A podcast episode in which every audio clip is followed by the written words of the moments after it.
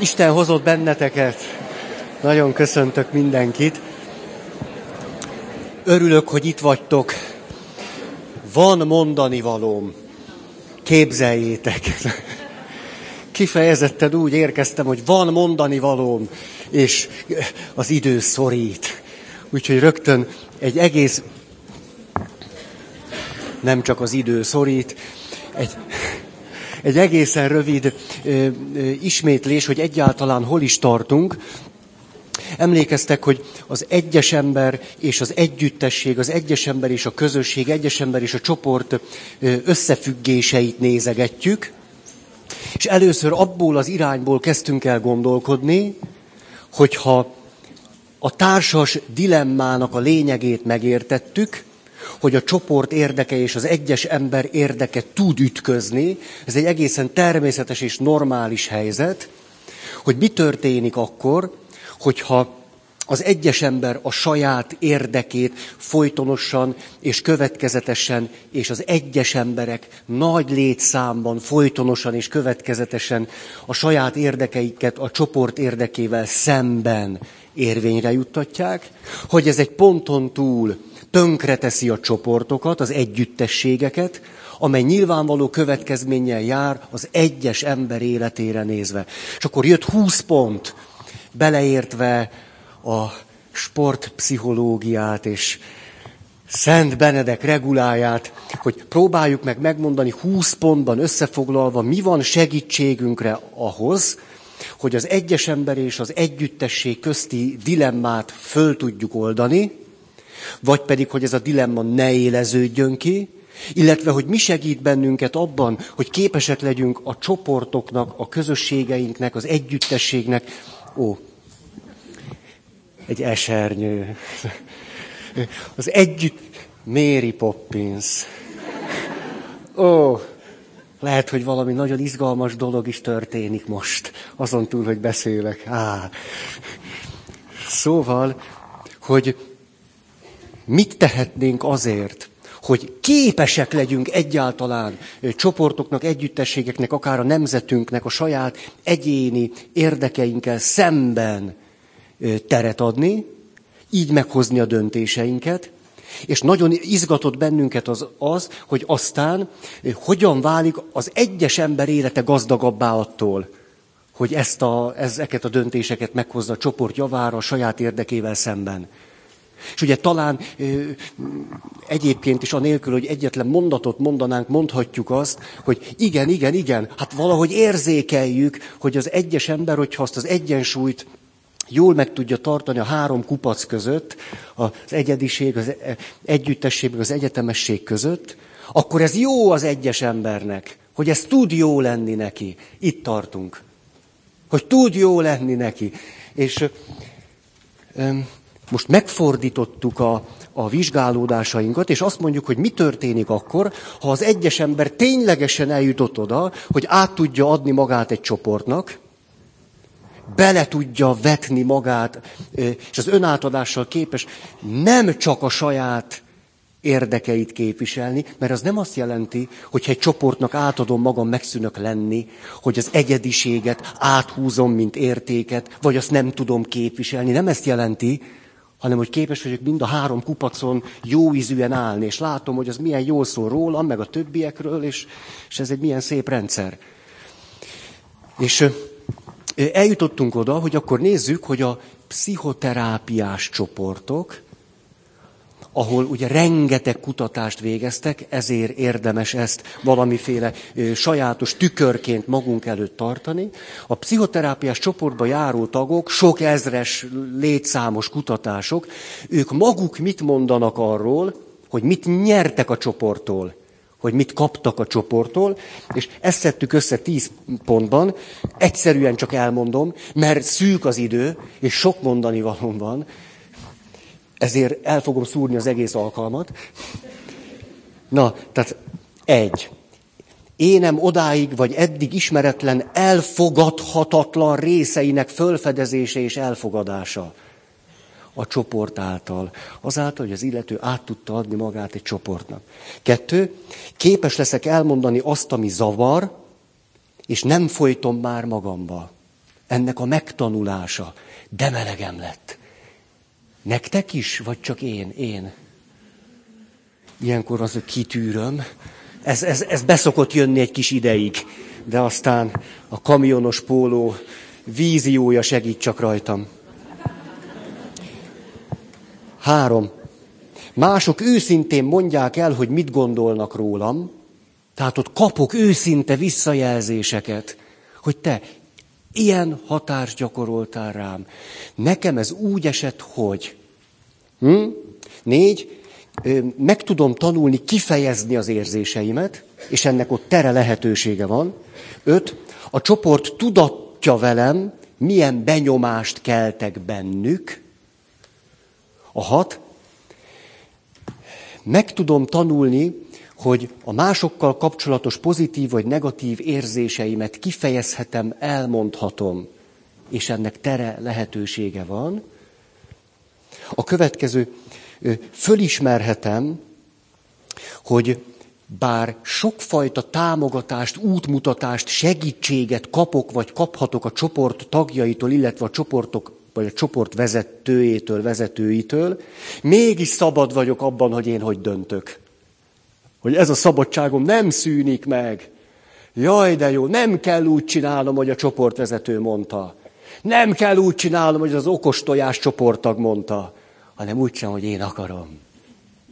Ez a szabadságom egyszer csak ott megjelenik tapasztalatként. A következő, megtanulok rátalálni a többiekre. Ez nagyon jó.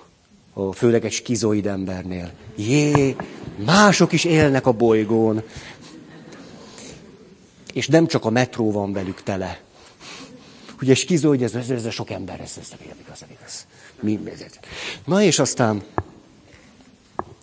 kilenc, elkezdem megérteni, vagy megérezni, vagy ráhangolódni arra, hogy kínos dolgokat is szóba lehet hozni, és el lehet mondani. Emlékeztek a történetre. Bepisilt az az anyuka, harminc fölött, nyílt színen. Lehet róla beszélni? És hogy amikor azt a kockázatot vállalom, hogy merhetek valami olyasmiről beszélni, ami számomra szégyen, vagy kínos, vagy tabu, vagy ilyesmi, és látom, hogy mások is ezt megmerik tenni, és ennek megvan a gyógyító közege, ez nagyon fontos, nem csak úgy, megvannak a föltételei annak, hogy ez lehetséges. Például, hogy csoportitok van, ezért beszéltünk ezekről nagyon sokat. Hát ezek nélkül bele se kezdek, egy A betűt nem mondok ki. Tehát, hogy ez javamra tud lenni, hogy ezt a hosszú, rettenetes, guztustalan körmondatot befejezzem végre. Emlékeztek még, mivel kezdtem? Mert én nem. Így szól a mondat, megérthetem, hogy ha mások kínos dolgokról beszélnek, és kockázatot is vállalnak, és hasznuk származik belőle, az nekem is segíthet, hogy én is így tegyek. Így szólt a mondat. És a tíz, hogy képes vagyok a bízni a csoport tagjaiban, vagy a csoport vezetőjében, megtanulok bízni és újra bízni. Megtanulom azt, hogy egy csoportban is átélem majd a bizalomvesztésnek az élményét. Mindig így van. Eddig gondoltam, hogy jó ez a csoport, eddig gondoltam, hogy érdemes volt jönni, de ti...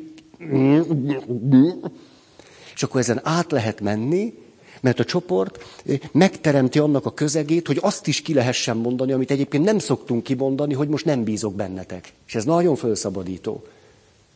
Ez volt a tíz pont, amit a csoport tagok a nagy-nagy-nagy kutatások alapján maguk mondtak, hogy számunkra ez volt a, ha jól emlékszem, 120 kijelentésből a tíz legfontosabb, és ráadásul sorrendbe szedtem.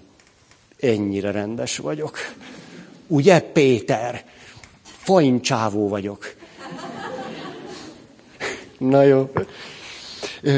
Egy rövid, rövid idézet egy vastag könyvből. Tehát látjátok, hogy mennyire igyekszem nektek úgy mondani, hogy a csoport pszichoterápia elmélete és gyakorlata. Jálom nevű űrge. Mindjárt el is mondom nektek, Stanford Egyetem professzora. Következőt mondja, csak hogy nézzük, hogy tulajdonképpen mi, miről is beszélünk, akkor ezt mondjuk, hogy csoport, meg így a csoport, úgy a csoport, a csoport, az egyén. Nézzük csak. 1991-ben a Gallup intézet által támogatott három éven át tartó széleskörű felmérés meghökkentő eredményeket hozott. Most átveszem a mikrofont a jobb kezembe. Úgy érzem, ez jobb érzéseket kelt benne. Azt mondja. El, hm. a 18 év fölötti amerikaiak 40%-a látogat rendszeresen találkozó résztvevőknek támogatást, gondoskodást nyújtó kis csoportokat. Tehát a 18 év fölötti amerikaiak 40%-a. Ez azt jelenti, hogy a 90-es évek elején 75 millió felnőtt amerikai járt kis csoportba. Ez körülbelül 3 millió kis csoportot jelent 1991-ben. Ráadásul a szóban forgó egyének nagy része hetente legalább egyszer járt, és legkevesebb három évig a csoportban maradt. Milyen kis csoportokban? Ezeknek a csoportoknak körülbelül a fele. 1,7 millió csoport, nem ember, 1,7 millió csoport egyházi keretben működött. Hozzá vetőlegesen 750 ezer volt a speciális érdeklődésű csoportok száma. De nehéz az élet. Ezek a vastag könyvek, hát tudjátok, aki tudós lesz, ezért nem leszek. Tehát ilyen vastag könyveket, meg számítógép előtt ülni, ennél sokkal jobb futni. Azt mondja, marad fél millió önsegítő csoport, amelyek a lélektani diszkomfort ellen nyújtanak segítséget 8-10 millió taggal. Egy másik fölmérés teljesen eltérő mintavétellel hasonló eredményeket hozott. A becslések szerint 1992-ben 7,5 millió felnőtt járt önsegítő csoportba. És olvashatok még egy picit? Akkor legalább ez, amit mondtam, ez biztos. Az összes többit, azt meg csak én mondom. Tehát akkor azért valami törzsanyag van. Azt mondja, az 1,7 millió egyházi támogatottságú csoportból soknak a tevékenysége jelentősen átfedi az önsegítő csoportokét. Mindkét típusú csoport tagjai ugyanolyan jellegű segítséget keresnek és találnak, a csoportok protokolljai is meglepő hasonlóságokat mutatnak. Érdekes a segítség típusa. A csoport nevétől, hátterétől, céljától függetlenül a tagok a kapcsolati interakciókat tartották a legfontosabbnak. Segítséget kapni a többiektől 86 százalék, meghallgatni mások véleményét 85 százalék, érezni, hogy nem vagyok egyedül 82 százalék, átélni a szeretet és törődést a csoportban 80 százalék. Már csak öt sor, 100 százalék. Hogy ezt elmondom, a tagok látszólag eltérő okokból lépnek be az egyházi és világi csoportokba.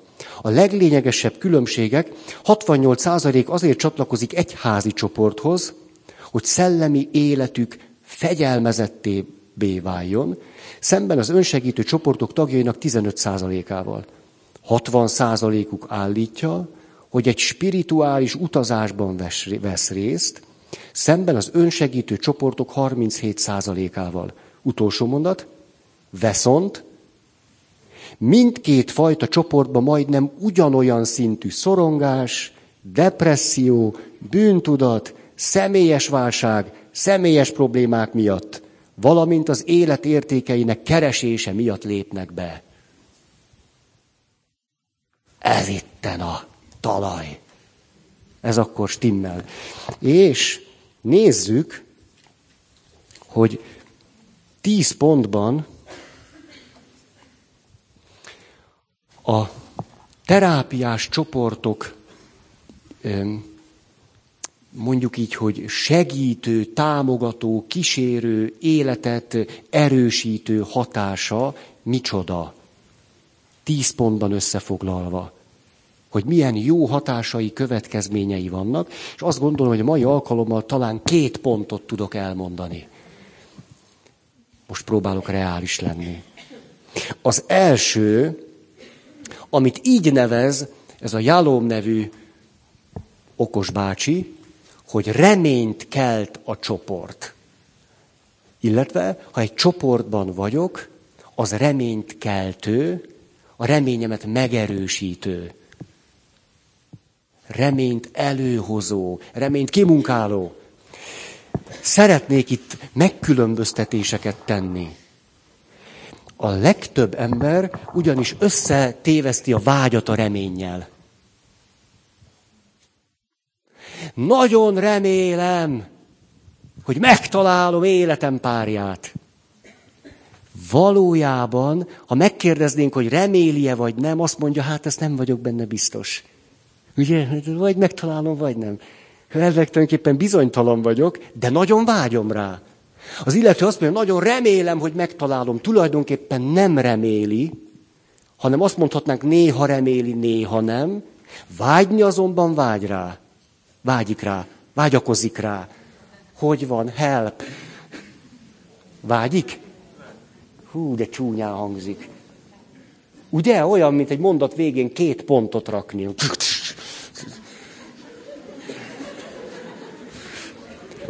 Szóval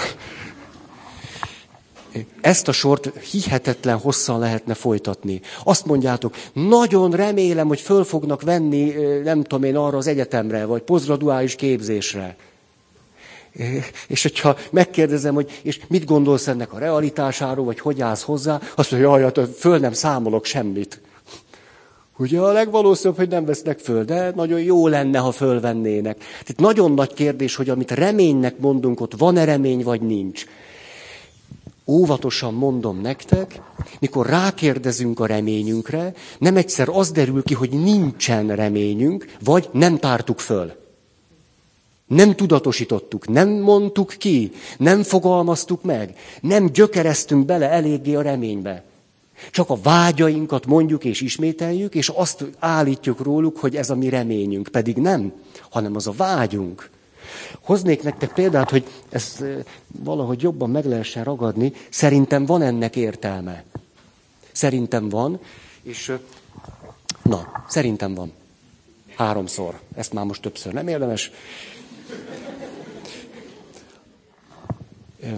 Hogyha megyünk a vágyaink felé, egész biztos, hogy a legmélyebb vágyaink között találjuk például azt, hogy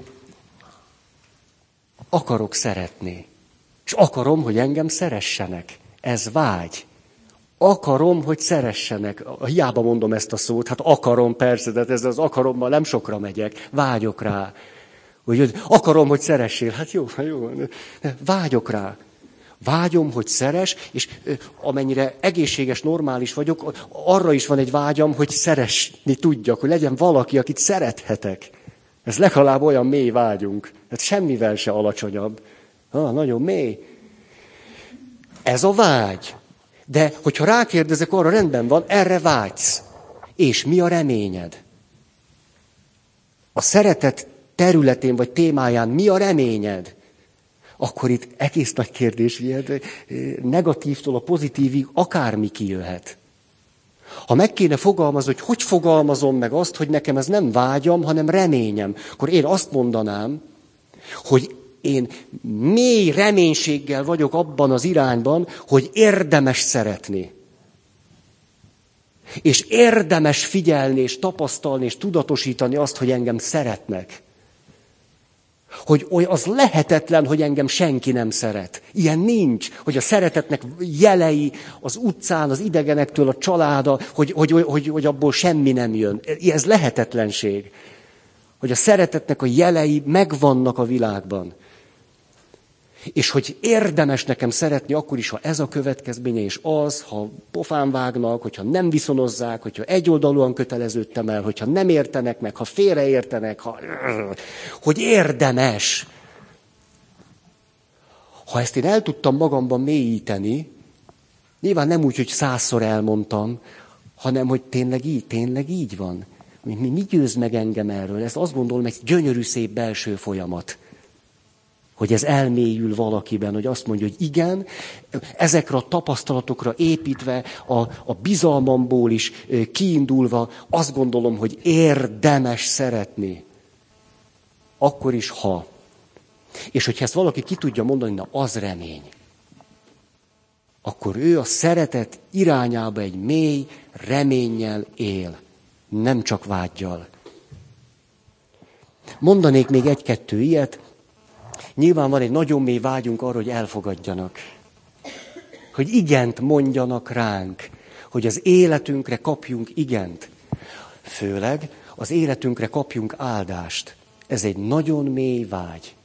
Mély és mély vágy. Természetes emberi vágy. A, mit jelent az, hogyha ez remény? Mert ez még csak vágy. Ha ez egy mély reményként él bennem.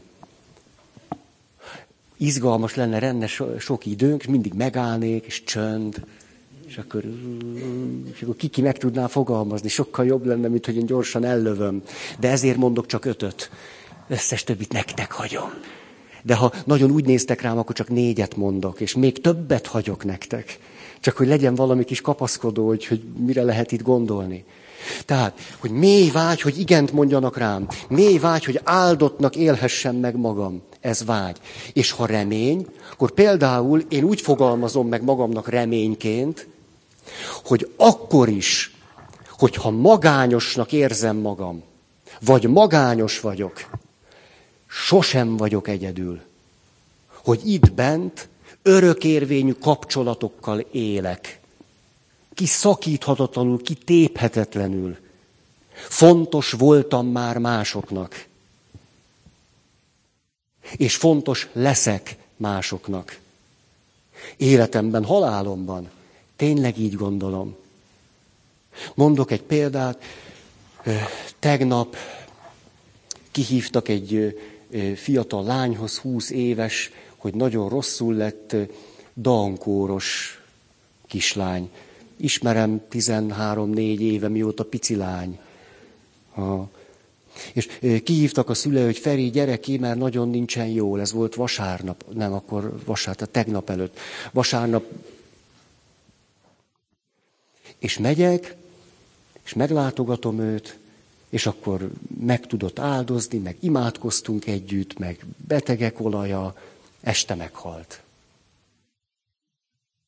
Hmm. Hmm. Most vegyünk egy ilyen kislányt. Azt mondjátok, ó, dankóros, szegény. Egyfelől talán mondhatjuk ezt. Másfelől azonban ez a kislány a puszta létezésével hihetetlen sok mindent adott a környezetének, a puszta létezésével. Ahogy egy csecsemő a puszta létezésével előhívja belőlünk a gondoskodó szeretetet, meg előhívja belőlünk a bizalmat a puszta létezésével. Tehát amikor azt mondjuk, hogy most mi a, mi a remény, mikor azt mondom, hogy az a mély reményem, hogy kitéphetetlen emberi kapcsolatokban élek, hogy fontos voltam már valakiknek. És hogy tudom, hogy valamilyen értelemben, amíg meg nem halok, fontos leszek másoknak, mert ti is hordoztok engem ott belül. Nem is tudtok nem hordozni szegények, mert már találkoztunk. Rettenetes tényszerűség sodrában vagytok. Ugye, Péter? Már megtörtént. Mit tehetünk? Tehát, egy turista mit tehet? Örül neki, hogy itt lehet. A, a, tehát amikor ezt mondom, akkor nem egy egészséges, 43 éves ember szemével tudom csak látni a világot. Ezt akartam ezzel mondani. Nem csak annak a szemével, hanem egy sérült embernek, egy rettenetesen beteg embernek, egy haldoklónak, akiről kívül azt mondjuk, hogy, hogy magányos, magatehetetlen, már semmi hasznot nem hoz, már semmit nem ad hozzá mások életéhez. Hogy ne adna? Hogy, hogy nem? Ezt tudom, ez mindig annyira ben van a fülembe, el is mondom, hogy volt egy nagyon kedves barátom, mozgássérült volt és légzésbénult. Ugye vastüdősöknek hívták őket, vagy hívják, már csak néhányan élnek. Ugye Heinemedin kór, és még 61, 60-61-ben volt az utolsó nagy járvány, akkor még úgy le tudtak bénulni, hogy, de már meg tudták őket menteni. Az volt az utolsó egy ilyen nagy. És a, volt ez a hát lány, hát idősebb volt nálam, de nagyon jóba voltunk. Kifejezetten nagyon. Sok, minden héten többször találkoztunk, át, nagyszerű barátságunk volt. És mikor feküdt az intenzív osztályon és haldoklott, azon a napon, amikor meghalt, mentem be hozzá délelőtt. És ez a valaki, akinek a szervezetét belülről teljesen tönkretette a betegség. Azt mondta az orvos, hogy úgy képzeljem el, hogy belül már semmi nincs a helyén, hanem minden mindenhova ment, és minden mindenhova folyt. Tehát, hogy, hogy, tehát, hogy ne, ne, ne, ne is képzeljem el, hogy ez, ez ott mi lehet, meg milyen fájdalom lehet. És akkor, tudom, ezt, ezt mondtam, de hát ez az, amikor, hogy van egy tapasztalat, amire a reményem ráépül. Ugye? A remény nem egy optimizmus, hogy jaj, de jó lenne, ha így lenne. A reménynek, ha nincsen tapasztalati alapja, így elfújja a nehézség. Ezért mondom ezt. És akkor ez a lány fekszik, hát persze, cső, minden, alig hallom, amit mond. És akkor, mikor bemegyek, és mondom, hogy szia, akkor egy teljesen elhaló hangon azt mondja, Ferike, hogy vagy? Értitek ezt?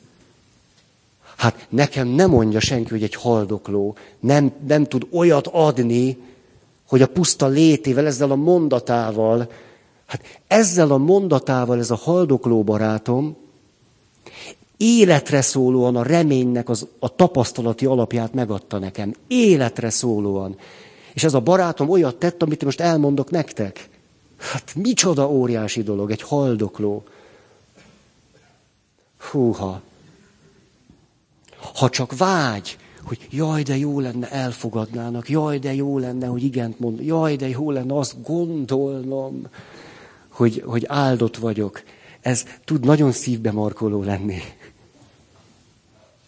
A reményt érdemes megkeresni, és annak a tapasztalati alapját.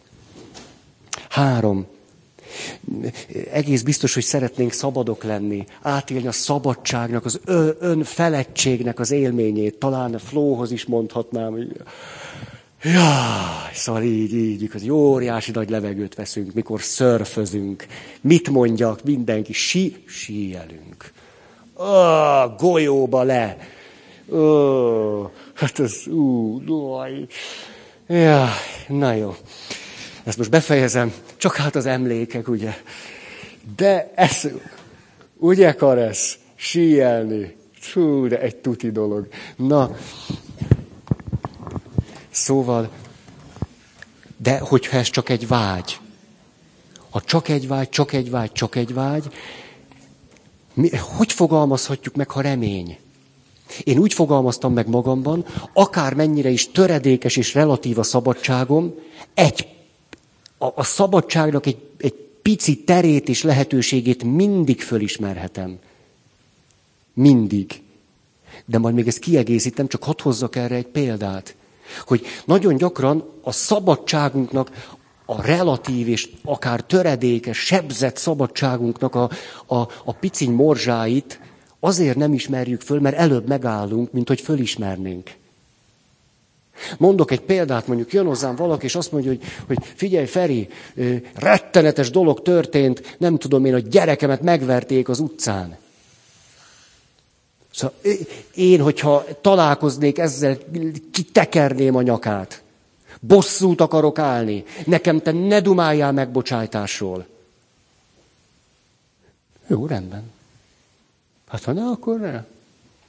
De akkor el tudjuk, mert azt mondja, nem érsz így. Hol ismerhető fel a szabadság? Mondjuk azt kérdezem tőle, hogy ó, rendben van, te most legszívesebben bosszút állnál, és kinyírnád ezt a valakit. Tudsz -e esetleg imádkozni azért a rettenetes emberért? Bármilyen szándékot el tudsz-e képzelni, de olyan, hogy imádság legyen. Tehát rossz, rosszat nem kívánunk imádságban. Hogy ez nem, hogy Istenem, igen, te folytsd meg, hát ez nem egy... Hát, tehát, hogy ezt szoktuk mondani, hogy Jézus Krisztus nevében, tehát imádság az, hogy mondjuk Jézus is el tudná mondani, tehát az, az egy imádság éppen. És, tehát, és az, na azt nem. És ugye Ha itt megállunk, azt gondoljuk, hogy nem. Itt van egy, egy, egy rettenetes trauma, egy rettenetes féltés, egy rettenetes sérelem, ugye befelegzett a szabadságnak. De mi van, ha elkezdünk tovább kérdezni, még tovább is? Jó, nem tudsz, rendben, elfogadom. Nem tudsz. Nem tudsz. Tudsz-e magadért? Hogy ne tudnék magamért, legyen több erőm. A... Ugye, látjuk, hogy nehezen születik meg azért a, a belső szabadságnak a tere, és a, de most kihagyok 125 lépést, és lehet, hogy az illető már nagyon fáradt, hogy ennyit kérdezem, akkor végül mondjuk azt mondja, hogy hát azért mondjuk mondjuk én azt kérdezem tőle, hogy te, ezt most nagyon látom, hogy rettenetes indulatos vagy, hogy, hogy tudnál-e akkor mondjuk azért imádkozni, hogy egy kicsit ez a rettenetes indulatod, ez a bosszú szomjad, ami egészen betölt téged, hogy ez egy talán egy kicsit ne tegyen már ennyire tönkre, mint ahogy látom. Hát ez, talán az ezért igen. Mert azért ez tényleg egy kicsit sok. Hát annyira sok, hogy látod, ide jövök, és meg, meg bolondulok. De na ezért tudnék. Ott a szabadság. Előbb szoktunk megállni, mint hogy a szabadságig eljutunk. Előbb, és ezért azt gondoljuk, hogy nincs szabadság.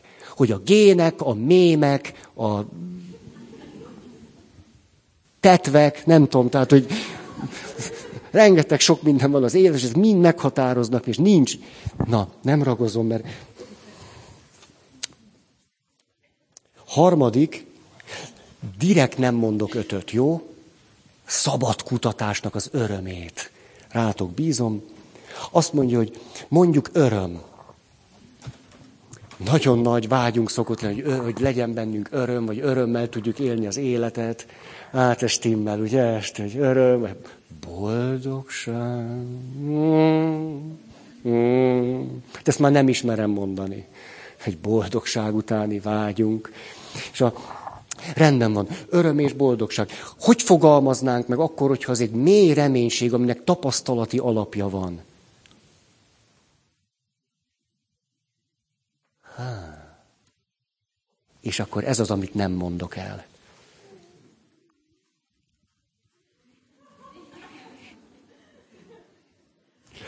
Találjatok rá! Találjatok rá! Találjatok rá! Ó, mi ez? Ha remény, és nem csak vágy. Nem, tényleg nem akarom elmondani. Nem lopom ki a szívetekből a megtalálás örömét. Megkülön... Szemét vagyok. Hogy mondjam, necces, ugye? Tehát csípem azért, csípem. Tehát különböztessük meg a vágyat a reménytől. Érdemes nagyon megkülönböztetni, mert különben azt mondjuk, hogy van reményünk, közben pedig ezt nem tisztáltuk, nem mélyítettük el, nem alapoztuk meg, nem mondtuk ki, nem, és a többi. Mi a különbség a vágy és a remény legmélyebb természete között? A legmélyebb vágyainknak van egy sajátos természete, erről tavaly beszéltünk. Ha nézzük ezt, hogy szeretnék boldog lenni, vagy jobb szeretem ezt, hogy, hogy szeretném, ha lenne öröm az életemben. A boldogság ez egy annyira bonyolult dolog, az, az, az túlnő, az, az annyira bonyolult, nem, nem, nem, nem. Mondjuk, hogy öröm, legyen öröm, az egy egyszerű érzés, azzal tudok még bánni. Legyen öröm, hogy szeressenek, és képes legyek szeretni, hogy, hogy igent mondjanak rám. Ezek azt gondolom, hogy a legmélyebb vágyaink. Amikor a legmélyebb vágyainkig jutunk, fölismerjük azt, hogy a legmélyebb vágyak nélkül nem szívesen élnénk. Még akkor se, hogyha ezek a legmélyebb vágyak nem mindig teljesednek. Hogy akarsz egy olyan életet élni, ahol az a vágyad nincs meg, hogy akarsz szeretni. Ugye, nagyon fáj, hogy nem szeret mindenki. Jó, jön a jó tündér, és azt mondja, elintézem neked, kiveszem belőled ezt a vágyat, és nem fog fájni. Ki állna a sorba ennél a jó tündérnél? Azt mondja, takarodsz innen? Hát inkább, inkább életen keresztül fájjon, de ezt a vágyat én, én, én nem adom. Jó, néha egy kicsit az eny, enyhüljön, vagy valami, néha kérek egy kis izét, kis valamit. simit.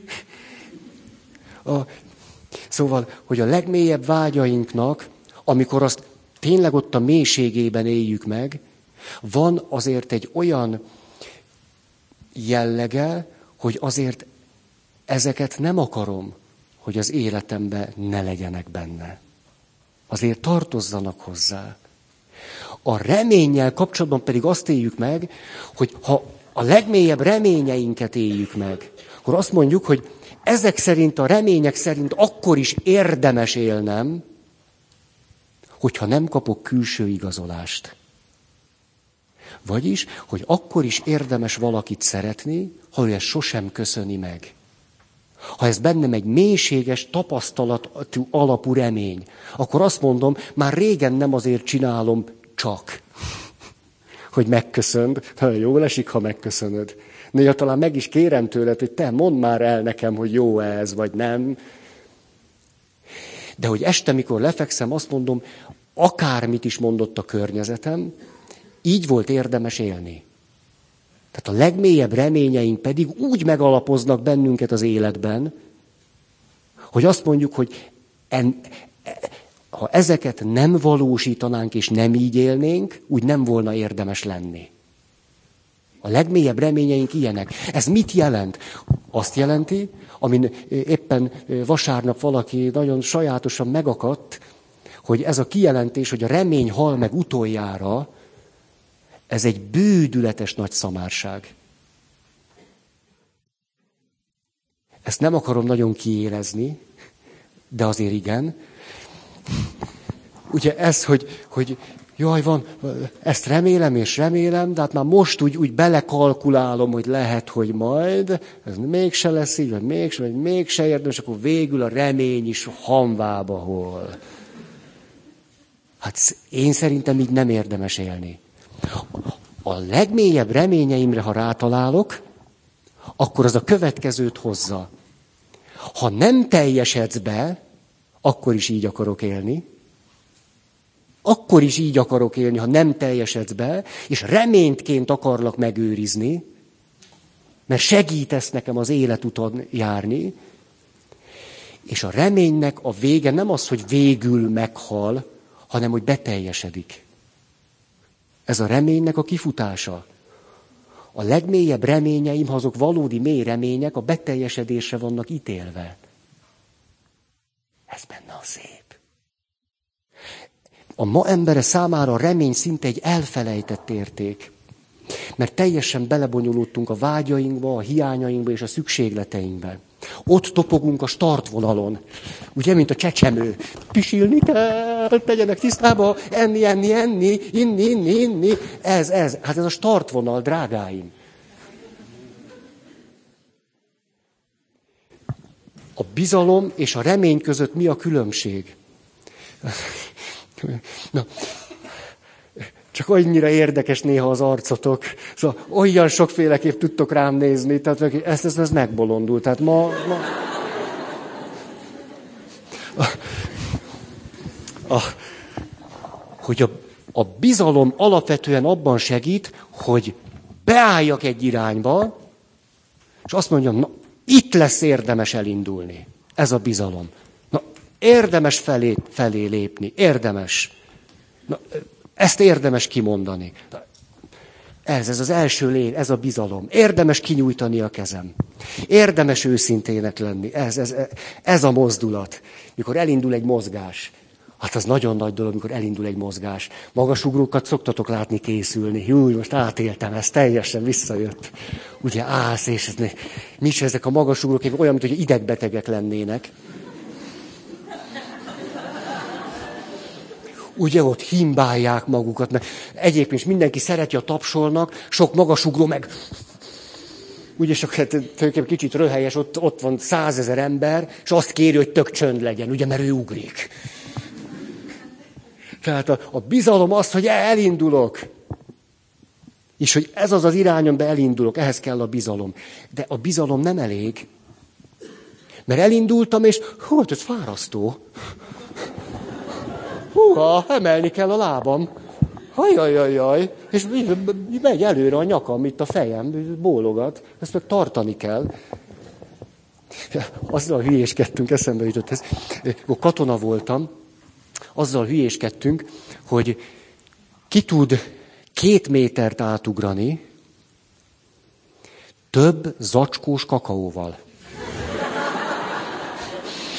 Igen, tehát az élet, ha az ember katona nagyon unalmas tud lenni, rettentően unalmas.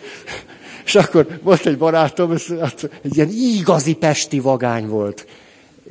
Hihetetlen, igazi pesti vagány.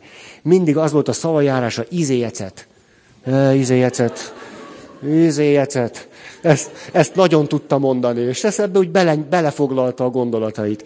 És, és akkor az volt, hogy hát az, az, az, az a semmi volt, hogy ugye egyik kezedbe kakaó, ez a fél literes kakaó, tudjátok, tudjátok, amit ökör meg bivaj vérrel színeznek. És a...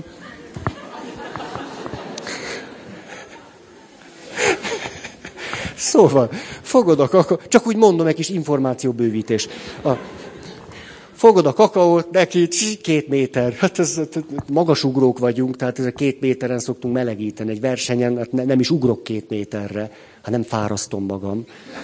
De tényleg így van, most nem... És a, na jó, egy kézbe kakaó, két kézbe kakaó, ugye, és akkor itt hát nyár van, tehát ugye klotgatja, vagy valami, és akkor a kakaók bekerülnek így. Na azért az már cifrább, tehát hogy úgy berakni a kakaót, hogy menet közben ne senki. arról nem is beszél, hogy a másik után berakni a kakaót. Ugye, hát azért, hogy mondjam, már katona vagy, azért annyit nem vett, hogy neked is egy, egy adag kakaó, meg neki is. Tehát egy kupac kakaó, azt használtuk. És, tessék, hát olyan volt, hogy kiesett, akkor kidurrant. Persze. De a, a, a, a, tessék? Amikor talajt fogtam, hát a fenekembe nem dugtam bele a kakaót. Hát azért, hát érted?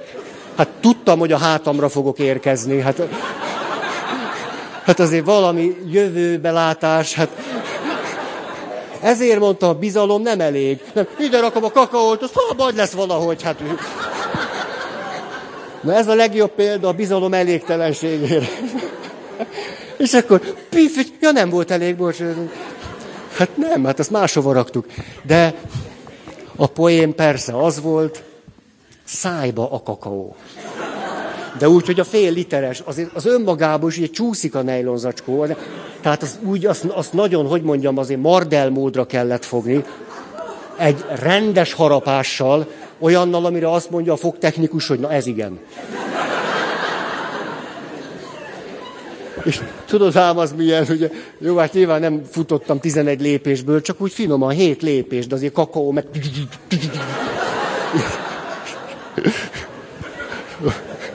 Na azért az buli, tehát, tehát így két métert ugrani, abban már van poén. Szóval, ezt a történetet azért mondtam el, mert volt egy cél, valami lebegett a szemem előtt, hogy egy úton vagyunk, és valahonnan valahova tart az élet.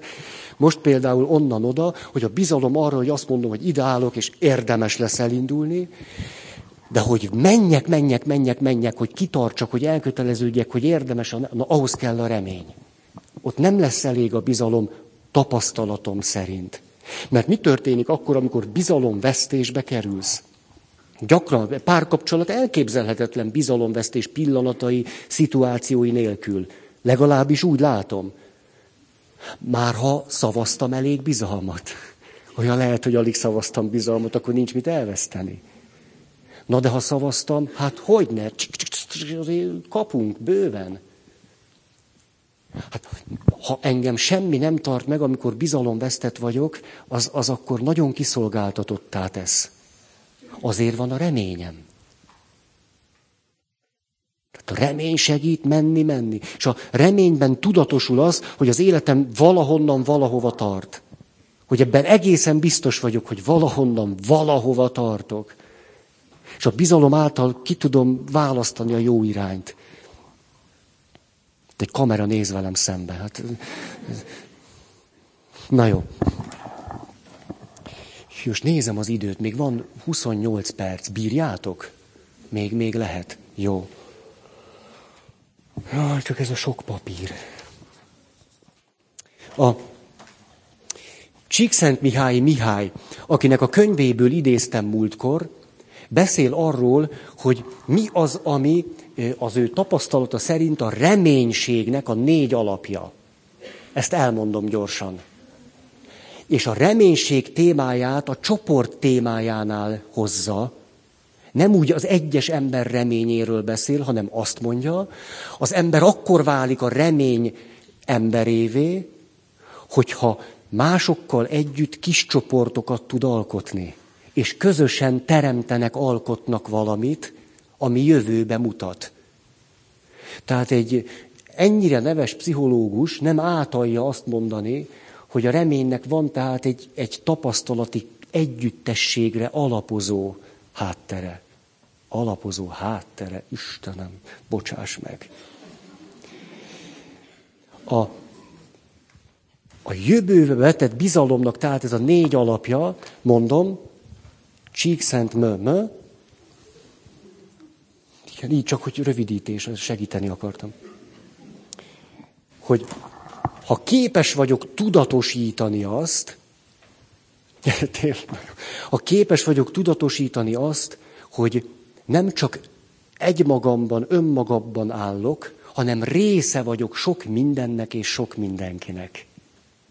Hogy ez a jövőbe vetett reményemnek az egyik forrása és alapja.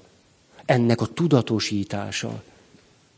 Hogy nem egy szálmagamban vagyok, hogy egy családnak a tagja vagyok, hogy vannak szeretteim akkor is, ha meghaltak, attól még, attól még, és, és, és.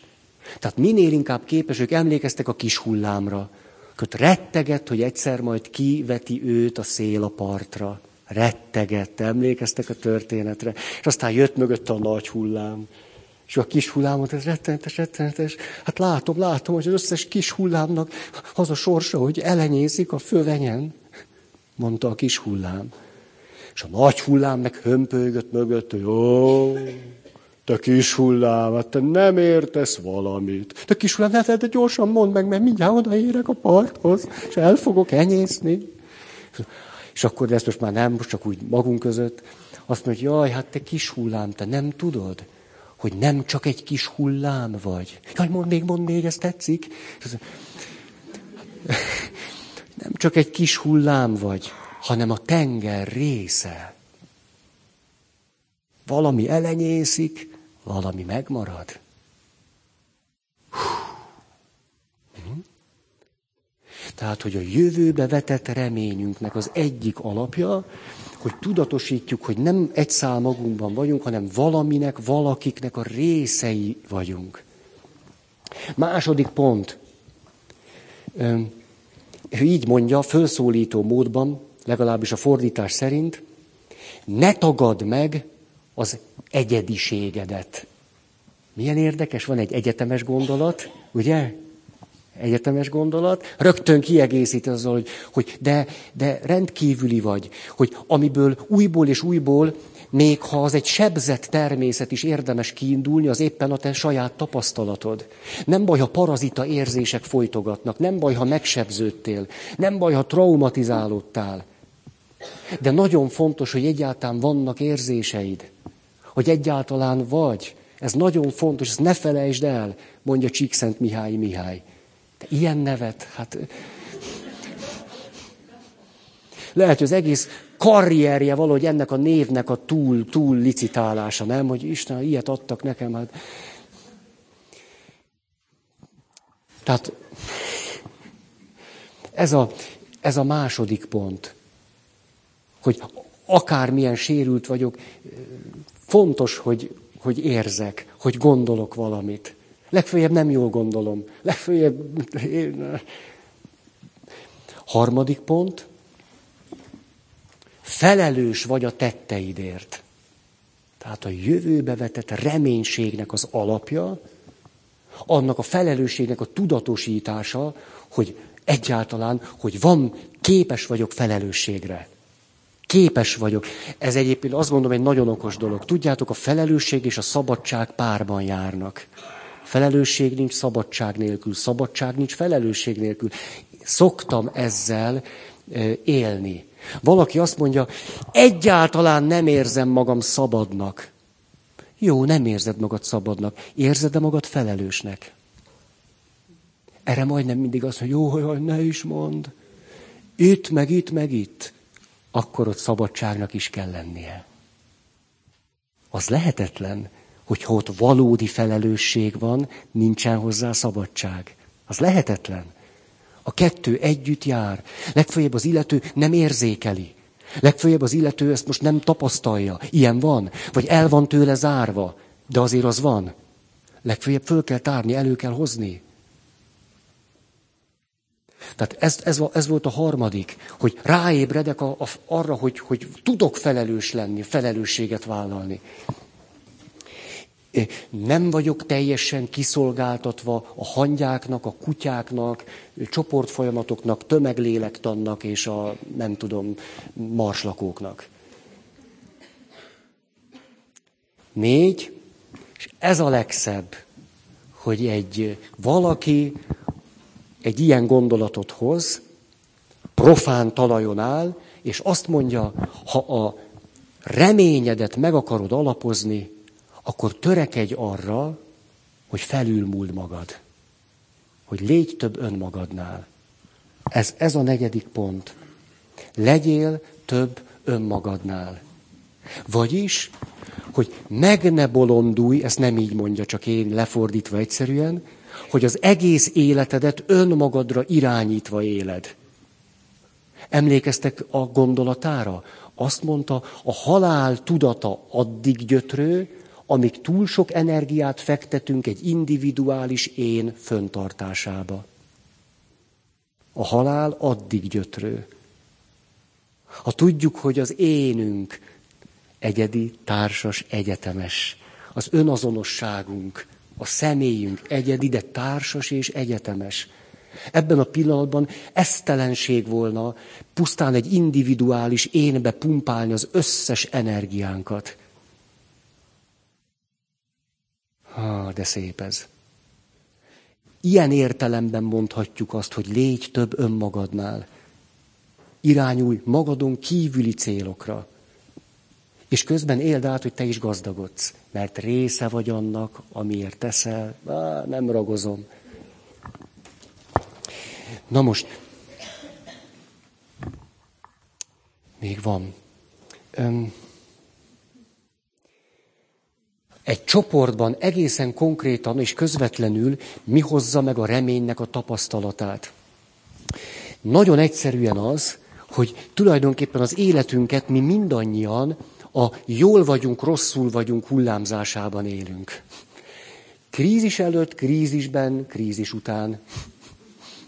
Tehát mi mindig hullámzunk, ugye nem tudjuk, hogy kell élni, de most már tudjuk. Most megint nem tudjuk. Most, ugye mindig egy ilyen hullámzás. És egy csoportban lehetetlen, hogy mindenki egyszerre legyen krízisben.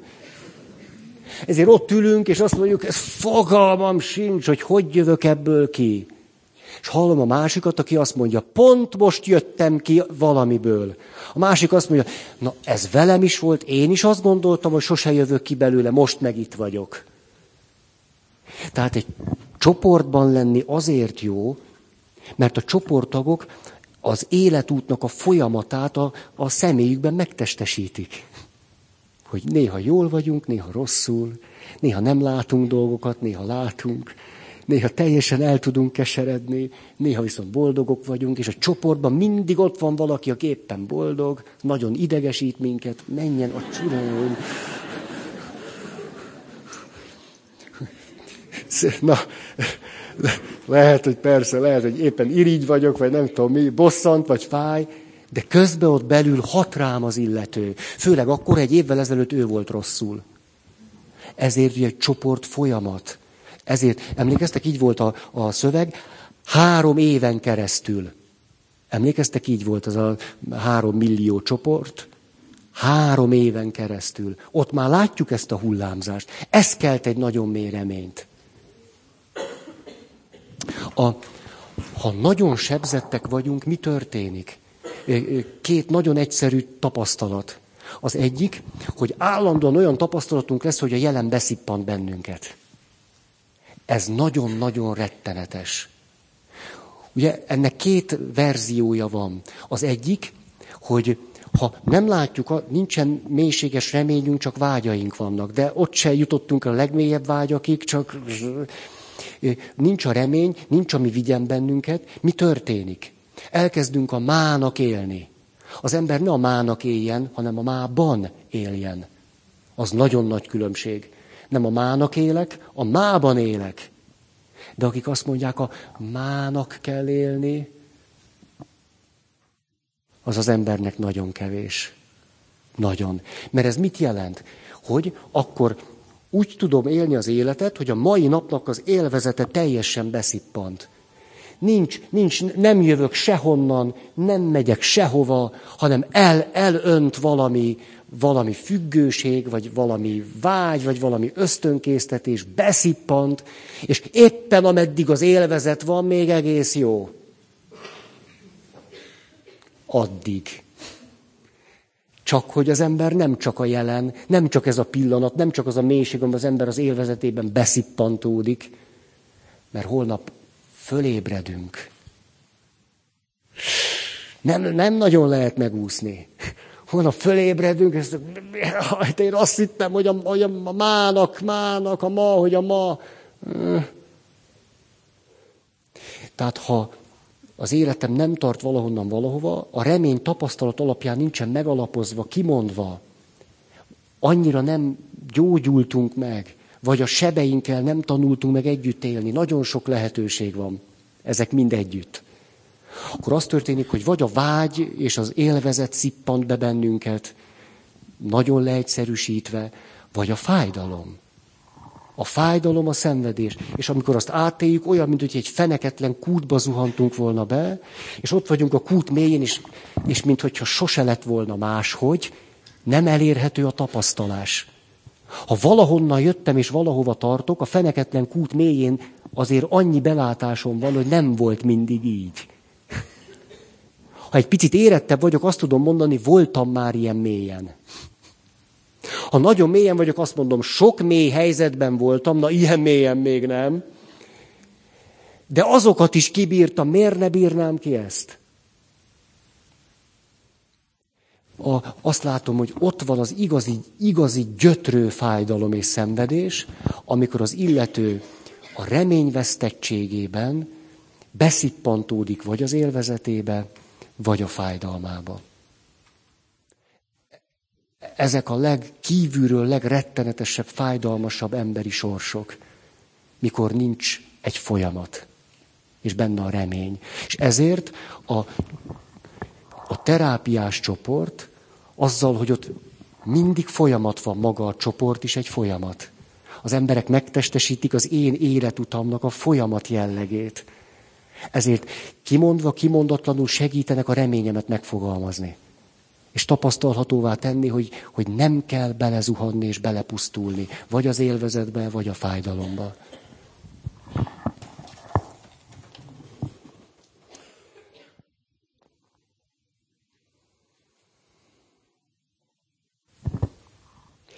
Belekezdek a második pontba. Na, azt nem fogom befejezni, de legalább akkor, amit mondtam, valamennyire igaz lesz.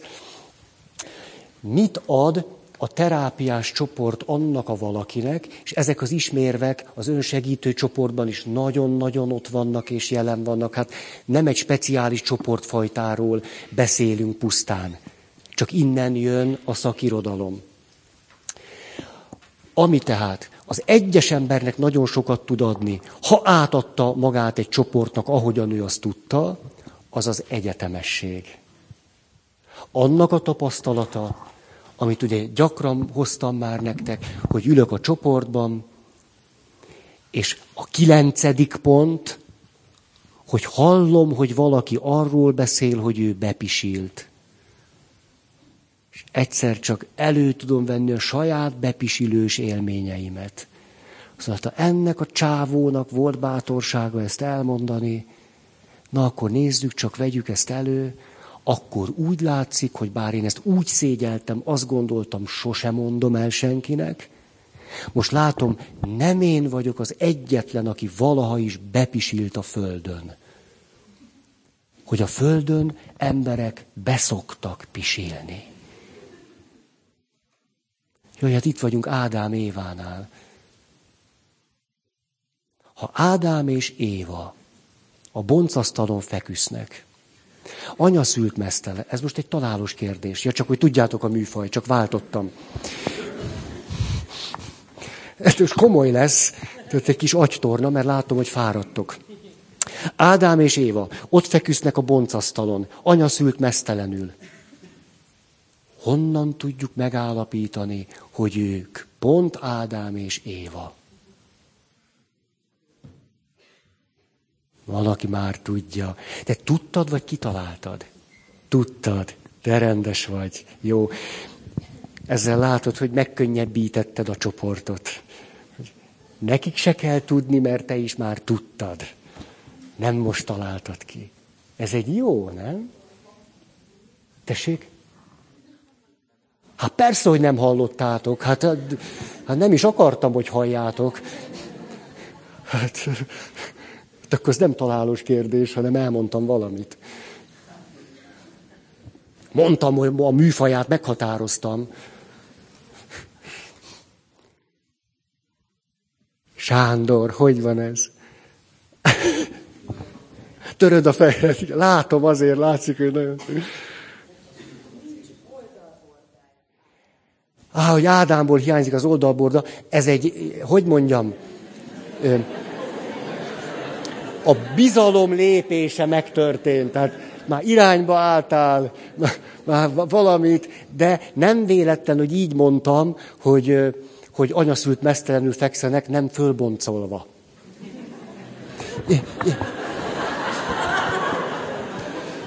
Mert az, az már egy másik, másik kategória. Jelentkezti. Úgy van. Nincs köldökük.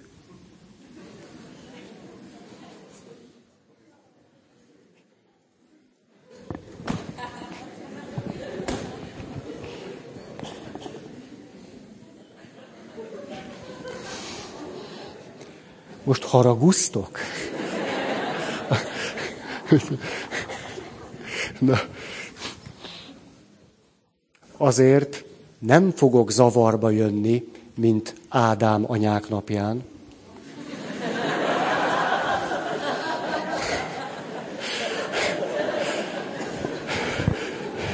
Ajjajjajjaj, még van tíz perc.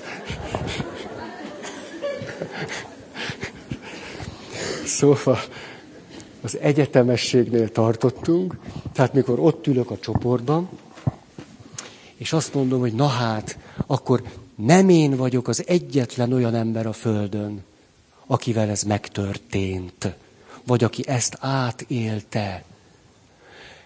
Az egy hallatlanul fölszabadító élmény tud lenni, hogy átélem azt, hogy akármilyen rettenetesen szélsőséges tapasztalatom is van, az valamilyen pontokon közös más emberek tapasztalatával. Ez nagyon fölemelő élmény.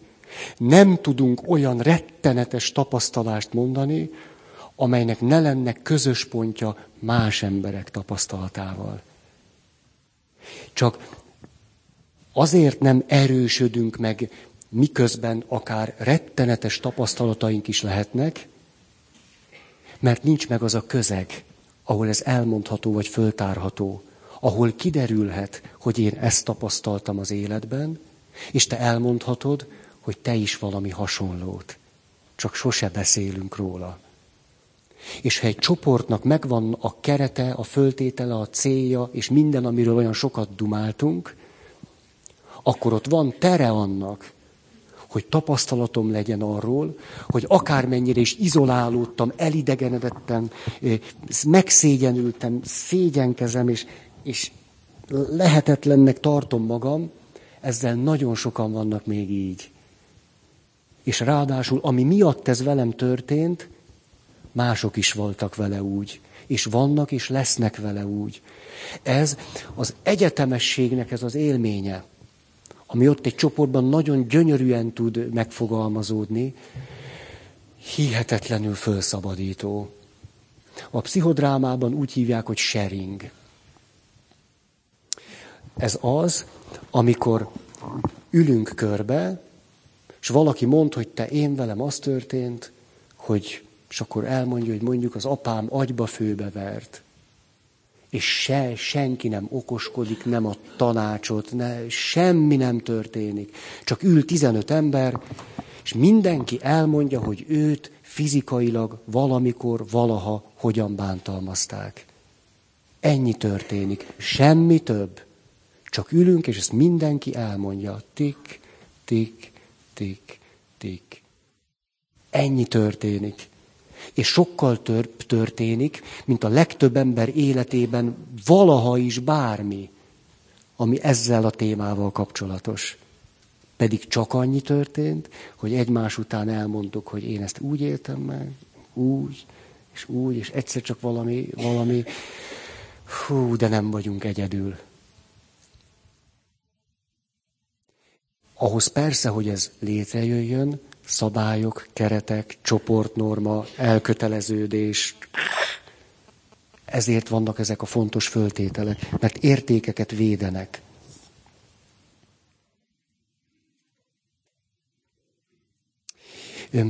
Annak a tapasztalása lehetséges a csoportban nagyon intenzíven, hogy elfogadható és befogadható vagyok. Talán ismeritek ezt a veszőparipámat, hogy, hogy a lélektani szakirodalom tele van azzal a kifejezéssel, hogy az embernek szüksége van arra, hogy őt föltétel nélkül elfogadják.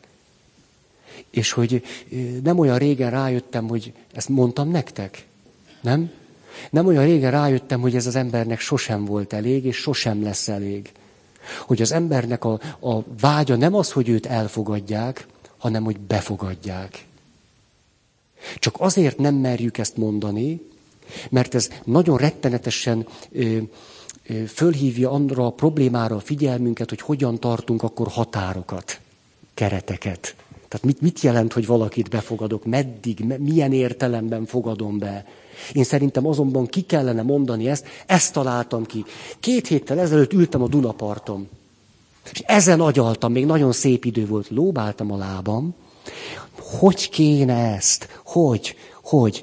El kell mondani, hogy az embernek nem elég, hogy elfogadják. Az ember arra vágyik, hogy befogadják. De hogy kéne mondani? És rájöttem. A Duna sokat segített. Hogy az elfogadható befogadásra van szükségünk. A mindkét fél számára elfogadható befogadásra vagy a csoport minden tagja számára elfogadható befogadásra. Tehát a befogadás itt nem azt jelenti, hogy átlépünk minden határt, minden keretet, és belegyaloglunk a másik életébe. Vagy ott hozzuk egyszer csak a párnánkat, a takarónkat, hogy ma itt fogunk aludni. De komolyan elkezdett ez fájni, hogy becsapjuk egymást. Tehát, hogy a félelem hogy valami olyan szót használunk, amiből újabb bonyodalmak lesznek, nem mondjuk ki.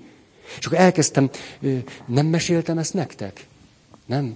Akkor, akkor talán még egy percet erről, hogy, hogy, hogy elkezdtem egymás után rakosgatni a gondolatot, mert tulajdonképpen az, az életnek a, a leg alapvetőbb folyamatában mindig a befogadásról van szó, és nem az elfogadásról. Hát a nő befogadja a férfit nem elfogadja. De elfogadom, gyere, ülj le. Vagy, vagy, hát abból nem lesz gyerek. A nő befogadja a férfit. Azután az anya befogadja a méhébe a magzatot. Nem elfogadja, befogadja. Azután, mikor megszületik az a kicsi csecsemő, akkor a családba őt befogadják. Hát ne is haragudjatok, ti csecsemőként megelégednétek azzal, hogy apátok, anyátok elfogadott? Hát rettenetesen is hangzik, nem? Ott sírsz, és az apa meg anya ott állnak, ilyen kedvesen. Igen, el vagy fogadva, tessék, csak nyugodtan. Hát ez mint a katonaságnál ott volt, ugye, hogy tessék, kérek engedélyt tartózkodni. Honvédeltárs, tartózkodjon. Ugye, de hát nyilván azért ott zavar, zavarjába állt a honvédeltárs, valami, valamire szüksége volt. Ugye nem arra, hogy tartózkodhasson. Hát, és aztán, hogy, hogy befogadjanak bennünket a csoportokba és közösségekbe, hogy aztán a férfi és a nő most ne csak a szexualitás értelmében egymást a maga belső világába befogadja, mert van intimitás szükségletünk. Az intimitás szükséglet nem elégül ki, ha elfogadsz engem. A befogadásom révén tud az intimitás szükséglet kielégülni. Ugye nem kell, nem kell tovább. Tehát valójában a mindkét fél, vagy a csoport minden tagja számára elfogadható befogadásnak a szükségletéről van itt szó. És ezt tartom egyetemes szükségletnek. És egy csoportban, ahova befogadjuk egymást, ez gyönyörű szépen meg, meg tud valósulni, hogy egy befogadó közeg találó, találtatik ott. Nem elfogadó, befogadó. Hát hiszen befogadjuk egymást. Nem lökjük ki. Ugye, elfogadlak, de ne gyere legközelebb. Én elfogadlak. Ugye ezt meg lehet tenni. Tehát azt, hogy nagyon is el tudlak fogadni, legyél olyan, amilyen csak 20 méterrel odébb. Lejárt az idő. Volt bennem egy vágy. Vágy, vágy, vágy, hogy átadni valamit.